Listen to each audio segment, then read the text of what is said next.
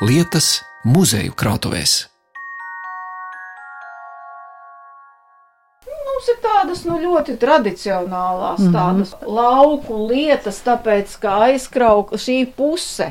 Šeit jau nebija liela pilsēta.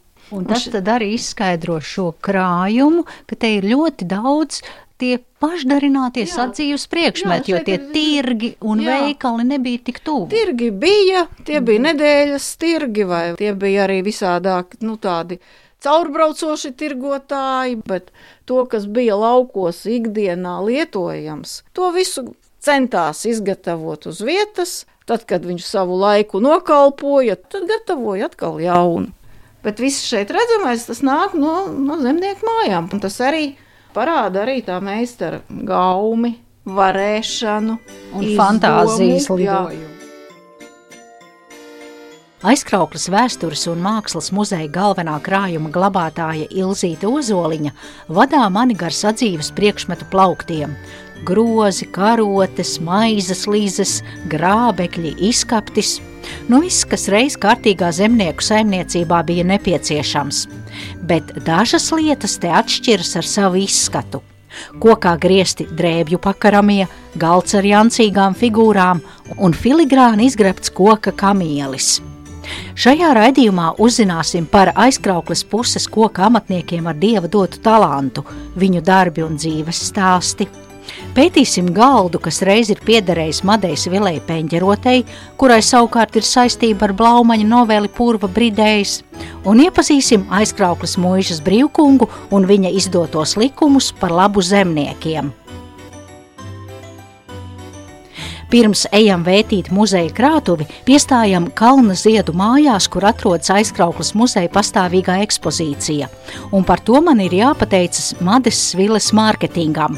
Proti esmu kārtējā šī muzeja apmeklētāja, kura vēlas redzēt mēbeli, kas reiz piederējusi noveles Purva Bridējs Kristīnas tēla prototipām. Nu, Reiz, es prasos uz krājumu, iet, jo raidījums ir par krājumu priekšmetiem, bet nu, nevar nepieminēt. Es esmu aizkrauklas muzejā, tad ir arī jārunā par eksponātiem, kuriem mēs ejam garām, jo te arī ļoti daudziem ir garšīgs stāsts. Tāds vienkāršs koka galds ar eh, pamatīgām virpotām kājām, un jūs teicāt, to sauc par Kristīnas To sauc galdu. par Kristīnas galdu. Mums viņu uzdāvināja koknesē, un viņš tik tiešām ir piederējis Madeiras vilei, peņģerotei, kas bija viena no Kristīnas prototipiem, zināmajā novelē Purva Bridējs, kas arī pazina Blaumani. Viņi visi satikās tajā kokneses mūžā, kur Blaumanis divus gadus pūlējās iegūt vai apgūt šīs te mūžkunga zinības. Tad Mades Vila peņģerots, kas viņa bija, un tas ir no viņas mājas, virtuves istabas. Tas ir no viņas mājām. Koknesē šī māja vēl joprojām ir saglabājusies, kur viņa dzīvoja. Bet māja, protams, ir ļoti pārbūvēta un savā laikā tur bija kolekcijas kantoris. Bet viņa visu to, tā teikt, to slavu taisīja kā Blaumaņa Kristīna. Kaut gan cik gadījies lasīt, un cik ir arī dzirdēts no citiem cilvēkiem, tam Blaumanim labāk patikusi tā otra mada, mada kapmala. Tad ir bijušas divas mādes. Vismaz divas Vismaz. jā, un no kurām viņš to Kristīnu ir salicis kopā. Bet nu šeit var apskatīt vienu, jā, vienu no Kristīnas prototipiem, priekšmetu, kas piederējis Jā, Madejas vilai. Otrs priekšmets ir šāda te lādīte, ko viņai kāds ir uzdāvinājis. Jo mirklī, kad Blaumanis ierodās koknesē, šī madas vila jau ir sadarināta ar dārznieku Pēteru Peņģerotu, un viņa arī aprecās. Palasot starpkaru Latvijas laika presi, atrodam, ka nereizi vien Mādes Vila Peņģerote popularizē žurnālistiem stāstu par jaunā, kautrā, toreiz iesācēja rakstnieka Blaumaņa jūtām pret viņu. Blaumanis slepus viņai ir metis baltas rozes pa istabas logu. Bet savas, tā teikt, tiesības uz Kristīnas tēlu Mada ir pamatojusi ar to, ka viņa ir atraidījusi kāda bagāta kokneses saimnieka bildinājumu, sakot, ka precēšot vīru, bet ne māju, un tā vēlāk arī salauzājusies ar dārznieku Jāni Peņģerotu.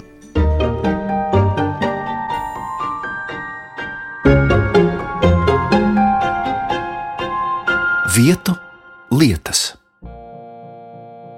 Turpinot lūkot stāstus par dažādu laiku un kārtu ļaudīm, kas ir atstājuši lielākas vai mazākas pēdas aizkrauklas puses vēsturē, piestājam pie neliela portreta, kur attēlots vīrs, vieglu, nedaudz pašapziņīgu smaidu, enerģiskiem sejas pantiem, un smalkais lakatiņš un svārki liecina, ka vīrs pieder kungu kārtai. Tas ir aizkrauklis mūžas īpašnieks barons Karls Friedrichs Šulcs von Ašerādens. Vēsturē iegājis ar to, ka 18. gadsimta 60. gados ir izdevis zemnieku tiesības, kurās teikts, ka arī kungu var atzīt par vainīgu. Stāstu turpina Ilzīta Ozoliņa. 19. gadsimta nezināma autora darbs. Var pieņemt, ka viņš ir tapis no kāda oriģināla, kurš nav saglabājies, acīm redzot. Bet šim darbam otrā pusē ir arī uzraksts, ka kungs ir Karls Šulcs von Ašerādena. Aizkrauklē Šulci sāka savu saimniekošanu jau pašā 17. gadsimta sākumā, un šis kungs ir iegājis Latvijas vēsturē ar to, ka 1764. gadā viņš sastāda tādu pēc izskata ļoti necilu izdevumu, kas saucās Aizkraukles un Rīmaņa mūžas zemnieku tiesa – dota no Karla Friedrika Šulca 1764. gadā pēc Kristus dzimšanas. Šis konkrētais eksemplārs jau ir faksimila izdevums, to 1914. gadā izdeva atkārtoti literatūras zinātnieks Jānis Misiņš. Un šī dokumenta priekšvēsture ir tāda, ka šis kungs, kas bija aizkrauklis mūžas barons un landrāts un iecienīta persona droši vien arī pārējā mužniecības pulkā, Viņš bija arī gana saimniecisks, kaut gan viņš tāpat kā liela daļa 18. gadsimta jauno cilvēku ir ieguvusi militāru izglītību un labprāt būtu arī šo militāro ceļu turpinājis. Bet nu, viņam ir bijusi tāda diezgan bīstama aizraušanās, un tā ir kāršu spēle. Un ceļā uz Bohēmiju viņš bija iemanījies nospēlēt visu pusotru tūkstoti dāldaru un viņam gribot, negribot, bija jāatgriežas mantotajā īpašumā. Īpaši viņam tā lauksaimniecība nav saistījusi, bet viņš tomēr pie tās lietas ir ķēries. 1761. gadā viņš ir arī Pēterburgā, viņš tiekās ar Katrīnu II, kura apmeklējot Baltiju vēlāk, nu, konstatē, ka dzimtzemnieku stāvoklis ir visai smags un nožēlojams, un viņa tā teikt, liek saprast, ka nu, vajadzētu šo ļaužu stāvokli uzlabot. Un tā nu, Šulcs saprot, ka, ka nu, viņam tas ir jādara. Un 1764. gadā iznāk šis izdevums, un tas ir tāds pirmais diezgan vārgais mēģinājums mainīt latviešu cilvēku statusu. Jo uz to mirkli visi kungiem piederošie zemnieki ir dzimti cilvēki. Tā, tad, tā ir lieta. Viņu drīkst pārdot, viņu drīkst atdāvināt, viņu var nospēlēt kārtīs, viņu var smagi sodīt, tajā skaitā arī ar nāvi. Ja? Tam cilvēkam nav nekādu tiesību, un šis Kārlis Friedrichs Šulcs nu, mēģina to kaut kādā veidā nedaudz reformēt, lai tas nav tik šarpi un nu, tik nejauki. Un viņam šajā darbā ir vairākas nodaļas, un pirmā šī darba nodaļa ir veltīta kustāmajā mantā. Un tajā ir teikts, ka nesamās un vedamās lietas, nauda, labība, lopi un viss cits, kas tajā brīdī tam dzimtcilvēkam pieder, viņam arī pieder, un viņš var to novēlēt saviem bērniem, pārdot kā ķīlu vai novēlēt radiem mirstot. Bet gadījumā, ja dzimts cilvēks ir mūžai parādā, loģiski, ka šo mantu manto tad mūža, un šo mantu nevar mantot tie viņa radinieki, kas, teiksim, ir iepracēti kādās citās mūžās. Tad, protams, viņš izskata šajā zemnieku tiesā tos jautājumus, kas saistās ar zemi, jo, kā zināms, zeme arī pieder mūžkungam. Protams, viņš nepiešķir zemniekam zemi, bet likuma daļa paredz to, ka, ja tas zemnieks ir saimniekojis uz tās zemes un labi saimniekojis, tad viņš un viņa pēcnācēji to zemi var paturēt. Nu, un Šulca tiesā parādās arī tāda lieta, ka zemniekam bija tiesības arī sūdzēties. Viņš varēja par nelikumīgām prasībām sūdzēties zemes tiesā. Un viņš arī pieļāva to, ka tiesa varēja atzīt par vainīgu arī kungu. Nu, šī zemnieku tiesa iznāca, viņa tika dota, lai viņa tiek izplatīta, bet nu, jāsaka, ka Viņa paša kārtai piederīgie ļaudis par šo viņa mēģinājumu bija ārkārtīgi sašutuši. Viņiem tas likās pilnīgi un galīgi nepieņemami, jo kāds tur īpašums un tā tālāk un tā joprojām. Un beidzās ar to, ka šo zemnieku tiesa, protams, aizliedza, lika savākt visus izplatītos eksemplārus, un ar to tā reforma tajā brīdī arī beidzās. Par to aizmirsa. Tik tālu par aizkrauklas vēstures un mākslas muzeja ekspozīcijā redzamajiem priekšmetiem, bet tagad dodamies pāri pagalmam uz krājuma telpām un lūkojam sākumā pieminēto kokamatnieku darbus. Aizkrauklas vēstures un mākslas muzeja izmēros vislielākais priekšmets. Viņa augstums ir vairāk kā divi metri, platums vairāk kā pusotrs metrs, un šis te baltais skats ar skaistiem izgriezumiem patiesībā ir ērģelis. Ērģelis mājas muzicēšanai, ko izgatavoja Pēteris Čulkstēns. Nu, tā kā tāds pasaku skats izskatās. Jā, viņš tā arī izskatās. Šis cilvēks ir bijis ļoti talantīgs. Mums ir arī viņa gatavota cītara, un cik es zinu, vismaz viena viņa gatavota cītara ir arī etnogrāfiskajā brīvdabas muzejā. Viņš ir bijis eh, galdnieks, amatnieks. Viņš ir mācījies pie tāda ērģeļu meistara depšas, jo viņš ir teicis, nu, ja es varu uztaisīt skāpi, galdu, zārku, nu, kāpēc es nevarētu uzbūvēt ērģeles? Un to viņš arī norealizēja. Ērģelis 77. gadā muzejam uzdāvināja viņa dēli. Viņa arī viņas salika. Un tad viņas gluži vienkārši tajā brīdī mēs izmantojām Koknes Lutāņu baznīcu kā muzeja telpas. Viņas tur gluži vienkārši stāvēja. Un tad 70. gadu beigās viņas savada spēlēšanas kārtībā Doma ērģeļa meistara brigāde. Toreiz Rīgas domām bija, nu, man liekas, kungi 4-5, kas tās doma ērģeles pieskatīja, un viņi bija tie, kas palīdzēja šīs ērģeles savest spēlēšanas kārtībā.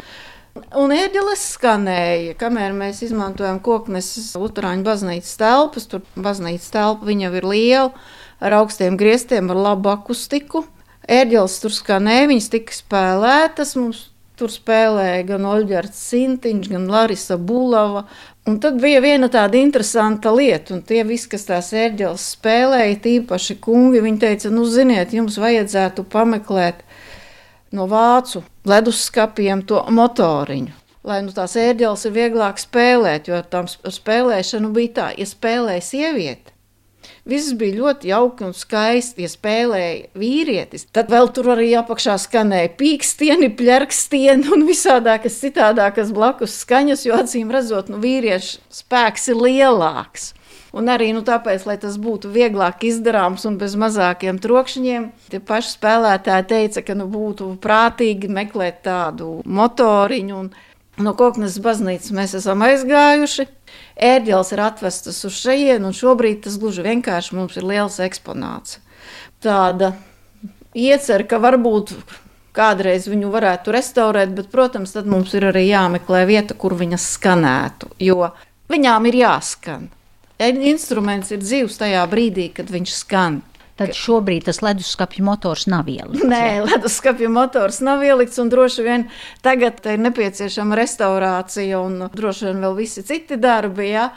Tas, ir, tas ir gluži vienkārši liela izmēra priekšmets mums.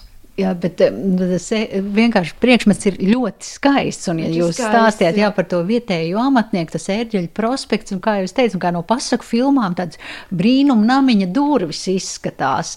Te ir gan kolonas, gan arī, es vai pareizi saskatu, kā pīlītes izgrieztas. Nu, jā, šie jā, te, te, tādi jā, izgriezumi. Un, Šis cilvēks ir bijis ļoti talantīgs. Bet katrā ziņā ir palicis mantojums no Pētera Čulkstēna un šīs skaistās ērģeles mājas, vai kurās mājās pirms nonāca baznīcā? Viņas tas... atveda no šiem bebru klāņiem. Viņas, tas bija 77. gads, atveda sākotnēji viņu nu, tādu kā kamalkas kaudzi, ja? veselu kaudzi visādāku detaļu.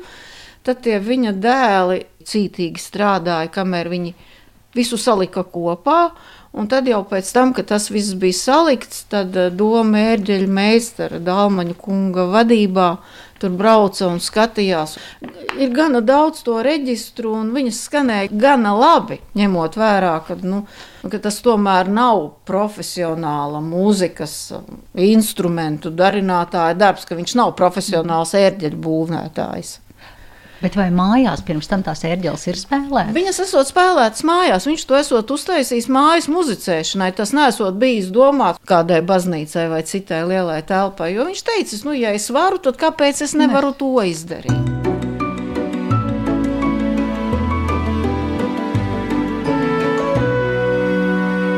Vietu lietas. Uziesim augšā.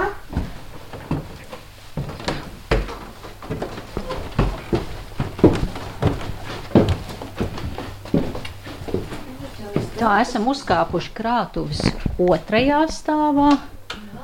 Ai, kādi skaisti sienas pulksteņi. Nu, te ir patiesībā ar tiem sienas pulksteņiem ir tā, ka šis ir tāds pulkstenis, ko pirka lauku mājās. Tos sauc par Švarcvalda zemnieku pulksteņiem. Tādi tapa Vācijā. Bet tas bija nu, viens no retajiem rotājumiem, greznuma priekšmetiem Jā, zemnieku ko mājās. Kas, ko zemnieks nopirka? Ja atceramies eh, Andreja Upīša zaļo zemi, tad, tad, kad eh, pie brīviņu lauras atbrauca precībās tas viņas radagabals, tad viņš atveda viņiem sienas pulksteni, uz ko tā brīviņu Lisbeta teica, ka nu, viņi jau sen ir gribējuši palūgt, lai nopērk pulksteni, jo citādāk kauns, jo jāiet pusgraudniekoša galā skatīties pulksteni. Tā ciparnīca ir vienkārši no finiera darināta. Tas ir koks, jā, koks. ir apgleznots. Un, viņam... un tur vienmēr ir augšpusē puslokā tas ziedu motīvs. Jā, nu tas, jā. kas ir ar šiem pulksteņiem, kas raksturīgi. Visi ir pazaudējuši tās savas garās ķēdes à, ar visām bumbām